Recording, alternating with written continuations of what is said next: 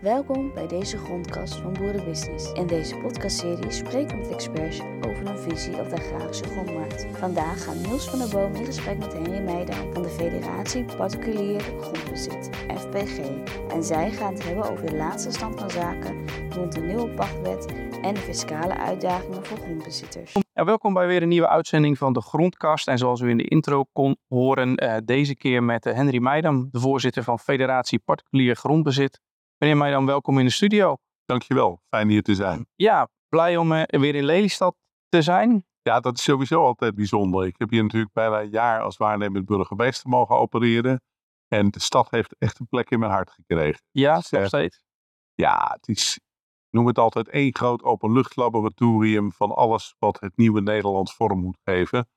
En ik vind het leuk om te werken aan de toekomst. Ja, dat doe je als je in Lelystad bent. Ja, ja, ja, en gezien uw interessegebieden en werkgebieden is dat denk ik, dan is eigenlijk geen betere plek dan Lelystad. Zeker, het is hier overal, schop de grond in, niet te veel praten en zorgen dat de massa verplaatst wordt. Ja, nou ja, dat is inderdaad zeker gebeurd de laatste 40, 50, 60 jaar. Ja. Ja, uh, maar we gaan het vandaag hebben over uh, de FPG, over de federatie waarvan u uh, sinds september, oktober vorig jaar de nieuwe voorzitter bent. Sinds januari. Ik ben in november benoemd per ja. januari. Oké, okay. en u bent nog bezig met een soort tour langs leden, langs betrokkenen, meen ik? Ja, we hebben 1600 leden. Totaal vertegenwoordigen wij ongeveer 200.000 hectare. En dat wil zeggen dat wij een substantiële positie innemen op de landkaart van grondbeheerders in Nederland. En wij proberen voor die leden zo goed mogelijk hun belangen te behartigen in fiscaal opzicht. Als het nou gaat over het pachtdossier, als het gaat over de ruimtelijke ontwikkeling in Nederland. Maar in deze tijd natuurlijk ook over de verdienmogelijkheden. He, wij bevinden ons in een sector waar heel veel transities van verlangd worden. Ja, en je merkt dat de haalbaarheid daarvan niet alleen afhankelijk is van de medewerking van de eigenaren van de grond, maar ook van de overheid die het die eigenaren mogelijk moet maken om die transities door te komen. Ja, ja als ik ook kijk naar het uh, nieuws wat jullie zelf verspreiden, dan gaat dat is ook heel erg breed. Het gaat over uh, vossen, het gaat over CO in de bosbouw, het gaat over de stikstofdiscussie. Jullie hebben een heel breed palet aan onderwerpen. Ja, en dat komt ook wel overeen met de activiteiten van onze leden. Want je ziet dat die zowel in de bosbouw, als in de akkerbouw, als in het verpachten van grond, als in het natuurbeheer, het beheer van de biodiversiteit, uh, het, het houden van dieren voor productie, maar ook in het uh, zorgen dat de jacht in Nederland bijdraagt aan een goed natuurbeheer en een goed natuurklimaat. En daar zijn onze leden allemaal druk mee bezig. Het is een heel gevarieerd palet. En daar is in de laatste tijd natuurlijk het fiscale dossier niet in de laatste plaats bijgekomen. Want zoals u wellicht weet wil staatssecretaris Van Rij eh, belasting gaan heffen over niet gerealiseerd rendement op grond. Daar moet u onder verstaan dat als de grond in waarde stijgt, dan heb je dus geen geld in je portemonnee zitten. Maar dan heb je mogelijk, als je het gaat verkopen, in de toekomst geld in je portemonnee zitten. Dan zegt de staatssecretaris, nou misschien dat je over vijf jaar gaat verkopen. Maar mag ik nu over die winst vast even afrekenen? Nou, dat plaatst grondeigenaar in een onmogelijke positie. En gelukkig lijkt de staatssecretaris daar ook oog voor te hebben. Maar de strijd is nog niet helemaal gestreden, want we moeten ook nog even langs de Tweede Kamer. En zoals u weet, het is verkiezingstijd. Ja, ja nou ja, we gaan het hier denk ik straks nog wel, uh, wel even over, uh, over hebben. Um, we zijn het zelf net ook al akkerbouw, dierhouderij, uh, noem maar op. Het is dus niet zo dat de leden de grond altijd verpachten. Het kan ook best zijn dat zij zelf agrarische ondernemer zijn. Ja, dat wisselt. Je ziet dat uh, eigenaren van grond soms die grond in eigen beheer uh, ontwikkelen, daar dingen mee doen, activiteiten op laten plaatsvinden, maar soms ook die grond verpachten. En dan is het verpachten de activiteit die zij ondernemen. Ja, en dat is een geweldig belangrijk financieringsmiddel voor boeren in Nederland. Maar tegelijkertijd zie je dat dat onder druk staat, omdat ook daar die verpachters graag een redelijk rendement willen maken op hun geïnvesteerde vermogen. En als de situatie zo wordt dat je een redelijk rendement kan maken door je geld op een spaarbankrekening te zetten, dan door het in grond te investeren en die grond te verpachten, ja, dan gaan mensen zich nog eens achter het oor krabben. Ja, ja, ja, ja, dat is een onderwerp wat al veel langer speelt en uh, wat we zo uitgebreid gaan bespreken. Um, wanneer ik bijvoorbeeld jullie ledenblad lees, dan kom ik geregeld een jonkheer tegen of een baron. Um, beetje het oud geld van Nederland. Is FPG of dreigt het niet ermee een, een elitaire club uh, te worden? Of als al, ik als gewone Hollandse jongen, zou ik daar ook tussen passen? Absoluut. Wij stellen uh, geen adellijke titel als vereiste voor het lidmaatschap. Het is wel zo dat er veel mensen die vanuit de adelstand afkomstig zijn, lid zijn van onze organisatie. Die beheren eigenlijk het culturele erfgoed in Nederland. En dat is iets waar we wat tweeslachtig naar kijken, vind ik als samenleving, omdat elke Nederlander, als hij op vakantie is, het ongelooflijk leuk en interessant vindt om kastelen te bezoeken, over landgoederen te slenteren, de natuur daar te bewonderen. Maar dat we toch, je merkt het ook aan de glimlach die wij op het gezicht hebben als we die woorden laten vallen, af en toe ja, met wat uh, historisch gekleurde blik kijken naar het feit dat een deel van die mensen uit de adelstand afkomstig is. Overigens is het bij het FPG zeker niet zo dat dat de meerderheid van onze leden vertegenwoordigt. We hebben een buitengewoon gevarieerd ledenbestand, waar bijvoorbeeld ook families bij zitten die door het hebben van een onderneming op een gegeven moment in de mogelijkheid zijn gekomen om ergens een flink stuk grond aan te schaffen en die daar graag een landgoed op willen stichten en die dat proberen te doen op een heel gewetensvolle, vaak ook aan de eisen van de natuur voldoende manier. Ja, en dat leidt ertoe dat wij eh, ook die mensen regelmatig tegenkomen. En gelukkig maar, want de veelkleurigheid is een eigenschap van het FPG. Ja, oké, duidelijk. Um, we noemden net al uh, op fiscaal niveau zaken die daar mogelijkerwijs gaan veranderen en een impact hebben op jullie leden. Het gemeenschappelijk landbouwbeleid, het nieuwe GLB, waar iedere agrarische ondernemer, iedere grondbezitter mee te maken heeft. In hoeverre uh, is de impact daarvan op jullie uh, leden? Hebben jullie daar ook behoorlijk mee te maken? Kijk, grote transities in dit land, verduurzaming van de landbouw, het stikstofbeleid, uh, dat zijn allemaal zaken die een enorme impact hebben op onze sector. Of je het hebt over de veehouderij of je hebt het over de akkerbouw. Het gebruik van bestrijdingsmiddelen in de akkerbouw is net weer acuut aan de orde geweest in de media. Ja. Ja, dat zijn zaken die daar een enorme impact hebben. En wat ik belangrijk vind, is dat wij proberen te komen naar een gemeenschappelijk platform met de overheid en de samenleving over de doelen, de eisen die vervuld moeten worden om die doelen te kunnen halen, tijdspad en de manier waarop we dat gaan doen. En wat ik nu vaak zie, is dat dat bijna als een soort gescheiden traject wordt behandeld, waarbij de overheid de doelen formuleert en vervolgens tegen de sector zegt: lekker aan de slag en probeer het maar te realiseren. Er worden de provincies dan nog tussen gezet om allerlei plannen te maken. En als die provincies dan hun verantwoordelijkheid nemen en zeggen: het plan kost zoveel, dat het Rijk vervolgens terugdeinst. Dat, dat, hebben we ook recent in de media gezien. Exact. En dat vind ik een foute reactie. Op het moment dat een plan blijkt in zijn uitvoering meer te kosten dan de beschikbare middelen, dan moet je opnieuw met elkaar aan tafel over de vraag: zijn die eisen ook te realiseren? Want je kunt natuurlijk niet volhouden dat een sector wordt opgezadeld met eisen die bedrijfseconomisch niet uit kunnen. Kijk, ook in de landbouw, ook in de veehouderij is het gewoon zo dat de inkomsten en uitgaven in een bedrijf, die moeten elkaar minimaal in evenwicht houden. En als het even wil, vind je het ook nog fijn als aan het eind van het jaar patiënten overblijven. En als de eisen die voor de transitiepaden, uit de transitiepaden voortkomen, zo hoog zijn dat dat sommetje niet meer werkt, ja, dan moet je opnieuw in gesprek. En dan zeg ik niet meteen veeg de eisen van tafel, maar dan moet je wel gaan nadenken over zaken als past het tijdspad wat we hebben uitgestippeld bij de bedrijfseconomische haalbaarheid van de sector? Of moeten we daar misschien mutaties in aanbrengen? Is het doel wat we met elkaar hebben geformuleerd een doel wat zich ook verdraagt tot onze ambitie om ook een vitale economische sector op dit gebied in Nederland overeind te houden? En dat is iets wat ik de ministers met kracht wil bepleiten. Wij willen een vitale sector. Nou, dat stelt eisen. En daar zullen we dan met elkaar over praten. Is, is dat ook een belangrijk uh, onderdeel van uw werkzaamheden om dat te bepleiten in Den Haag, bij de, minist bij de ministeries, bij de betrokken ja, beleidsmakers? Ja, waar, waarbij natuurlijk opgewerkt moet worden dat wij in de volle breedte van de belangenbehartiging proberen te opereren. En wij zijn een relatief kleine organisatie. We moeten altijd een beetje roeien met de riem hebben. En dat betekent dat we af en toe iets meer gas geven op dossier A. En af en toe even iets minder en dan iets meer op dossier B. Want wij hebben eenvoudigweg de mankracht niet om overal full swing tegenaan te gaan. Nee. Maar ik moet zeggen dat grote bewondering voor de medewerkers van ons kantoor. Want die buffelen zich een slag in de ronde en we slagen er redelijk goed in om de bordjes in te houden. Ja, ja. En, um, en om dat even te illustreren, noemde net het voorbeeld over um, het, het, belasting van fictief rendement op grond. Ja. Dat is dus nu een, een dossier dat extra veel aandacht krijgt. Ja. Het heeft veel impact op jullie leden. Ja, dat is een dossier wat voor ons buitengewoon belangrijk is. Kijk, en het is ook, um, als je er even over nadenkt, heel logisch dat grondeigenaren daartegen opkomen.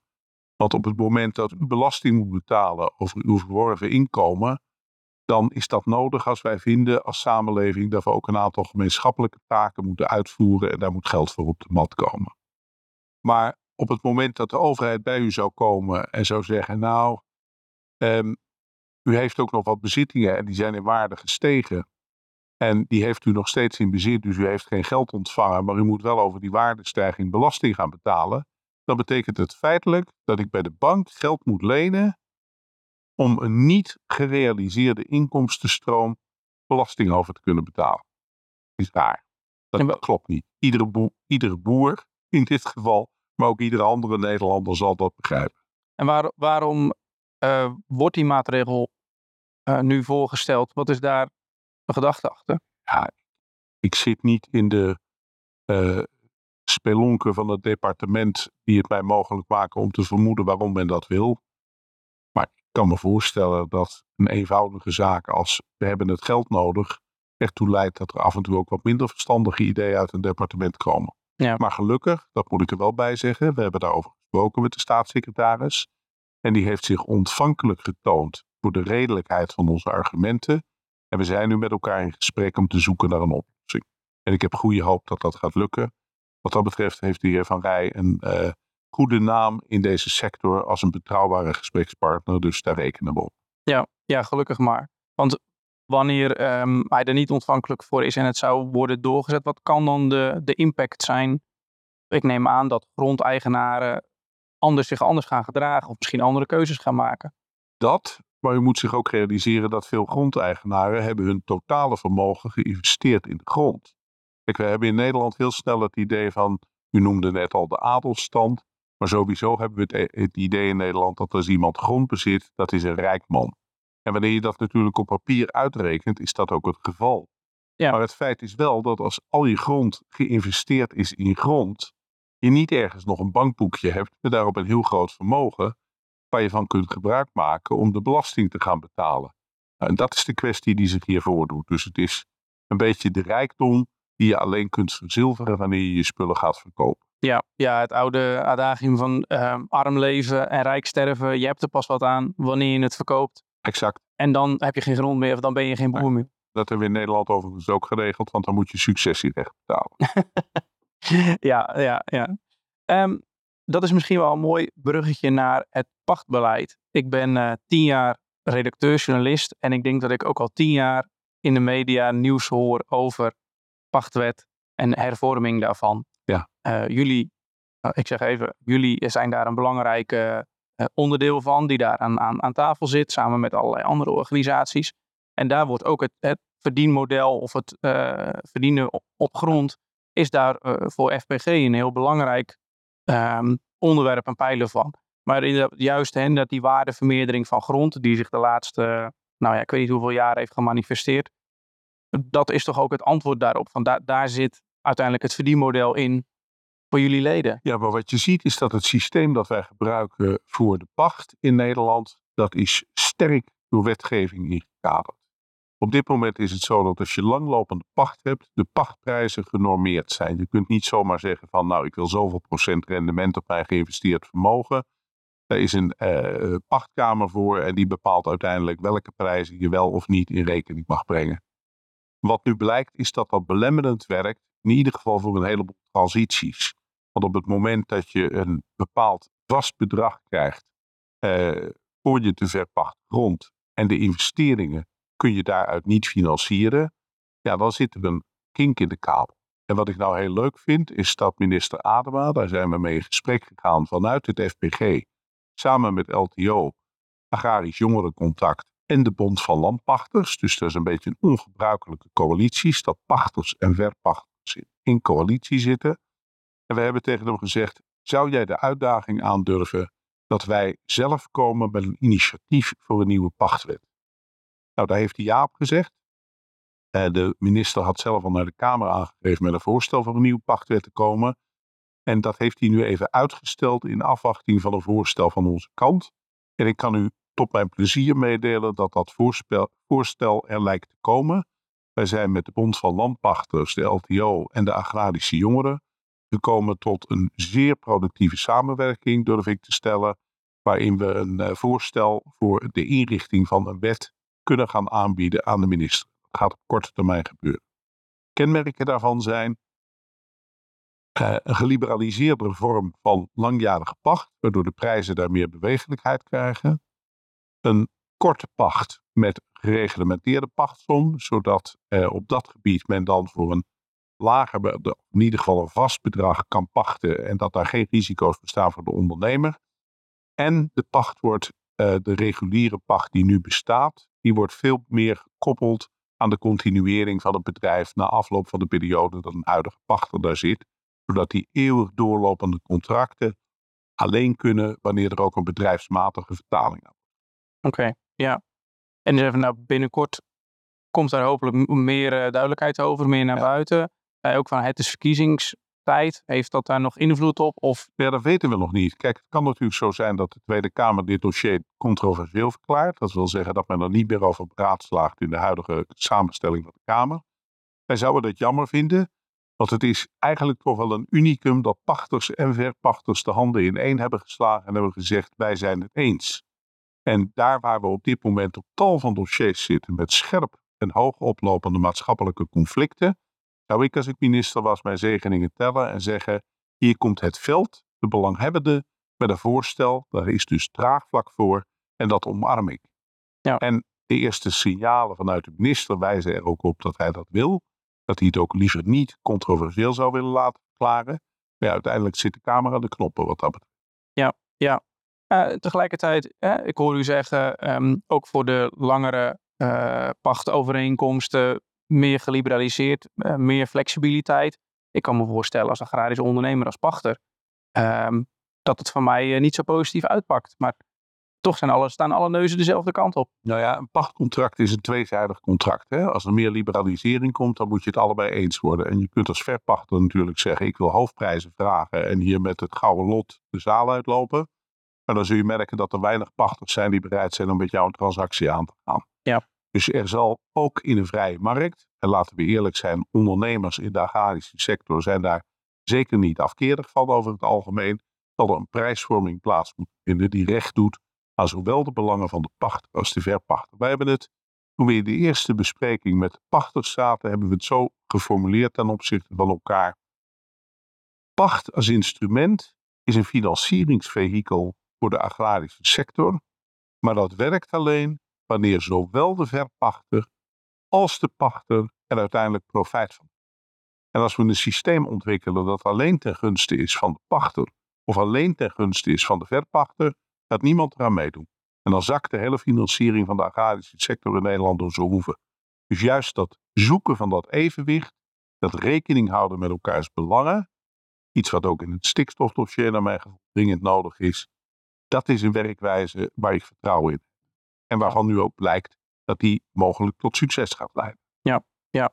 Is een onderdeel um, van die nieuwe pachtwet of die overeenstemming die bereikt is ook dat er flexibiliteit is op hoe je omgaat met de grond. Wat ik daarmee bedoel te zeggen is dat je met name nu bij provincies en ook wel bij gemeentes ziet, zij hebben een grondportefeuille en ze zeggen oké, uh, je mag hierop inschrijven voor korte of langere duur, maar we hebben deze, deze en deze eisen. Je mag bijvoorbeeld bepaalde middelen niet meer gebruiken.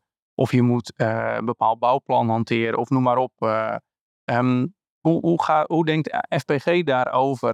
Laat die de agrarische ondernemer daar helemaal vrij in? Of is dat uiteindelijk aan de grondeigenaar wat hij of zij wil? Ja, uiteindelijk is ook dat iets wat je in, in een evenwichtige benadering zou moeten zoeken. En die, dat is eigenlijk de driehoek overheid, grondeigenaar, pachter. En die drie moeten met elkaar komen tot een modaliteit die werkt. En als een van die partijen eisen stelt of verlangens heeft die de ander niet in de bereidheid brengen om een transactie te sluiten, dan gaat het feest niet door. Dus wat wij verwachten van de overheid is dat men in redelijkheid begrijpt dat er een boterham verdiend moet worden. Dus als een ondernemer terugkomt en zegt, nou, ik moet eh, mijn veestapel verminderen. Eh, ik mag minder bestrijdingsmiddelen gebruiken. Mijn opbrengst daalt daardoor met zoveel. En als alternatief stel ik voor A, B, C, D. Dat kan zijn beheer van kruidenrijke akkergranden. Dat kan zijn dat je nieuwe verdienmodellen probeert te ontwikkelen, waardoor je wat bij kunt verdienen op je eigen grond. Eh, dan moet daar een open oor voor bestaan. Maar omgekeerd moet voor eh, bij de pachter en de verpachter ook een open oor bestaan voor het feit dat we uiteindelijk een verduurzaming in de sector willen. En dat dat ook betekent dat naar de toekomst toe we daar langzamerhand slagen in moeten maken. En dat zich dat ook contractmatig zal moeten betalen. Ja, ja. Ehm, deze nieuwe pachtwet, of uh, nou in ieder geval het voorstel daartoe, kan het ook van invloed zijn op de grote uh, verpachters zoals een, een, een AMF, uh, Vaaggoed, dat soort organisaties? nou, als ons voorstel uiteindelijk neerdaalt in wetgeving, dan is dat wetgeving die van toepassing is op alle in Nederland aanwezige verpachters en pachters. Dus in die zin ja, waarbij we natuurlijk wel in acht moeten nemen, er zijn een hele hoop lopende contracten. En er zal een overgangsfase zijn waarin het oude systeem en het nieuwe systeem voor een deel naast elkaar lopen. Ja, ja, oké. Okay. um, nou, traditioneel is het de verpachter uh, die in dit geval dan landbouwgrond verpacht aan een akkerbouwer of een melkveehouder of noem maar op. We zien de laatste vijf à tien jaar ook burgerinitiatieven ontstaan. Uh, land, land van ons, uh, noem het allemaal op, herenboeren. Die zeggen nee, we gaan met een, een community grond beboeren allemaal een klein stukje. Hoe, hoe, gaat FPG daarmee om? Hebben jullie daar ook mee te maken? Um, want dat vraagt, lijkt me, toch een hele andere aanpak, een hele andere benadering. Ja, dat, dat is het ook. Kijk, um, als mensen perspectief zien in een andere manier van het beheren van hun grond, dan is het niet aan het FPG om daarvoor te gaan liggen, dan wel dat te willen stimuleren. Wat wij wel denken is, als je de Nederlandse bevolking wil voorzien van voldoende voedsel en van voedselveiligheid, ja, dan moeten we wel nadenken over de vraag, zijn de systemen die worden toegepast in staat om die vraag en die hoeveelheden te gaan bedienen? Daarnaast hebben wij als sector natuurlijk ook nog een verantwoordelijkheid in internationale zin. Dan moet je ook kijken, willen we die blijven spelen? En als we die willen blijven spelen, wat zijn dan de eisen die er aan de productiemethodieken worden gesteld? Maar wij zijn niet voor of tegen kleinschalig. Nee, nee, dat snap ik. Maar ik kan me voorstellen dat je met zo'n organisatie uh, hele andere gesprekken voert. Of die hebben andere ambities, andere ideeën. Waarbij je in het verleden met één uh, boer te maken had en misschien Zeker. nu al met 50 mensen. Zeker, daar heeft u gelijk in. Maar tegelijkertijd is natuurlijk juist het leuke van een vereniging. Dat uh, dat totale veld aan verschillende opvattingen, dat komen wij ook tegen in onze ledenvergadering. Want ook daar zitten mensen die heel sterk vanuit een natuurse invalshoek opereren, maar ook mensen die heel sterk vanuit de productiekant. Pardon, even goed. Geen. ja, had. Um, nou, uh, duidelijk, uh, duidelijk verhaal. Stel, ja, stel, um, de kans is groot dat we een behoorlijk ander politiek landschap gaan krijgen. Met de opkomst van BBB, wat natuurlijk al provinciaal niveau hebben gezien, maar misschien ook wel de partij van de heer Omzicht. Kan dat ook van grote impact zijn op het voorstel voor die, voor die nieuwe pachtwet? Of kan het juist misschien wel meer mogelijkheden scheppen? Ja, ik vind het altijd wat lastig om mijzelf te positioneren als kristallenbolkijker. um, wat ik wel vaststel is dat de versplintering van het politieke landschap maakt de zaak, de bestuurbaarheid van Nederland complexer. Maar je hebt te maken met meer kleine partijen. En al die partijen die gaan de verkiezingen in met een verhaal waar ze in geloven. En dat verhaal is het verhaal voor het Nederland van de toekomst. Maar op het moment dat je die allemaal op een stapeltje legt, is het niet een kwestie van we duwen er een satéprikker doorheen en dan hebben we een totaalverhaal voor Nederland. Want er zitten zoveel onderlinge verschillen in dat dat lastig is. Dus het is echt zoeken naar het rode draadje waar je elkaar op kunt vinden. En dat wordt nog versterkt door het feit dat uh, ja, er in die politieke arena met een behoorlijk verschillende invalshoek naar onze sector wordt gekeken. Grondeigendom, uh, de tekenis van het hebben van bezit en wat daar bijvoorbeeld fiscaal voor consequenties aan zouden moeten worden verbonden. De impact op de natuur van onze sector, de mogelijkheid om bij te dragen aan onze economische ontwikkeling van onze sector. Dat zijn allemaal elementen waar heel verschillend over gedacht wordt. Dus ik hoop dat het allemaal van een leien dakje gaat en dat we in maart een volgend kabinet hebben. Maar ik sta er zomaar niet van te kijken als we daar iets langer voor nodig hebben. Ja, ja. Oké, nee, dat uh, is denk ik een uh, zeer treffende conclusie uh, daarvoor. In ieder geval hartelijk dank voor alle tekst en uitleg. en ehm, ja, om iets meer te vertellen over de FPG, ik kan me voorstellen dat er best veel luisteraars zijn, boeren zijn die niet zo goed weten wat jullie precies doen, wie jullie zijn. Ja. Um, ja, blijkt wel een heel breed aantal dossiers. kijk op de site, ja. word lid, want als wij samen sterker zijn, kunnen we de belangen beter vertegenwoordigen. Er zijn nog 400.000 hectare grondbezit in Nederland niet aangesloten en ze zijn van harte welkom. Oké, prachtige afsluiting. Dank u wel. En graag tot de volgende keer. Dit was de grondkast van Boerenbusiness met Henry Meijnam, voorzitter van de Federatie Particulier Grondbezit. Hij werd geïnterviewd door Niels van der Boom van Boerenbusiness. Hou Boerenbusiness in de gaten voor meer afleveringen over de grondkast. Heb jij vragen? Stuur dan een mail naar redactie.boerenbusiness.nl Bedankt voor het luisteren en tot de volgende grondkast.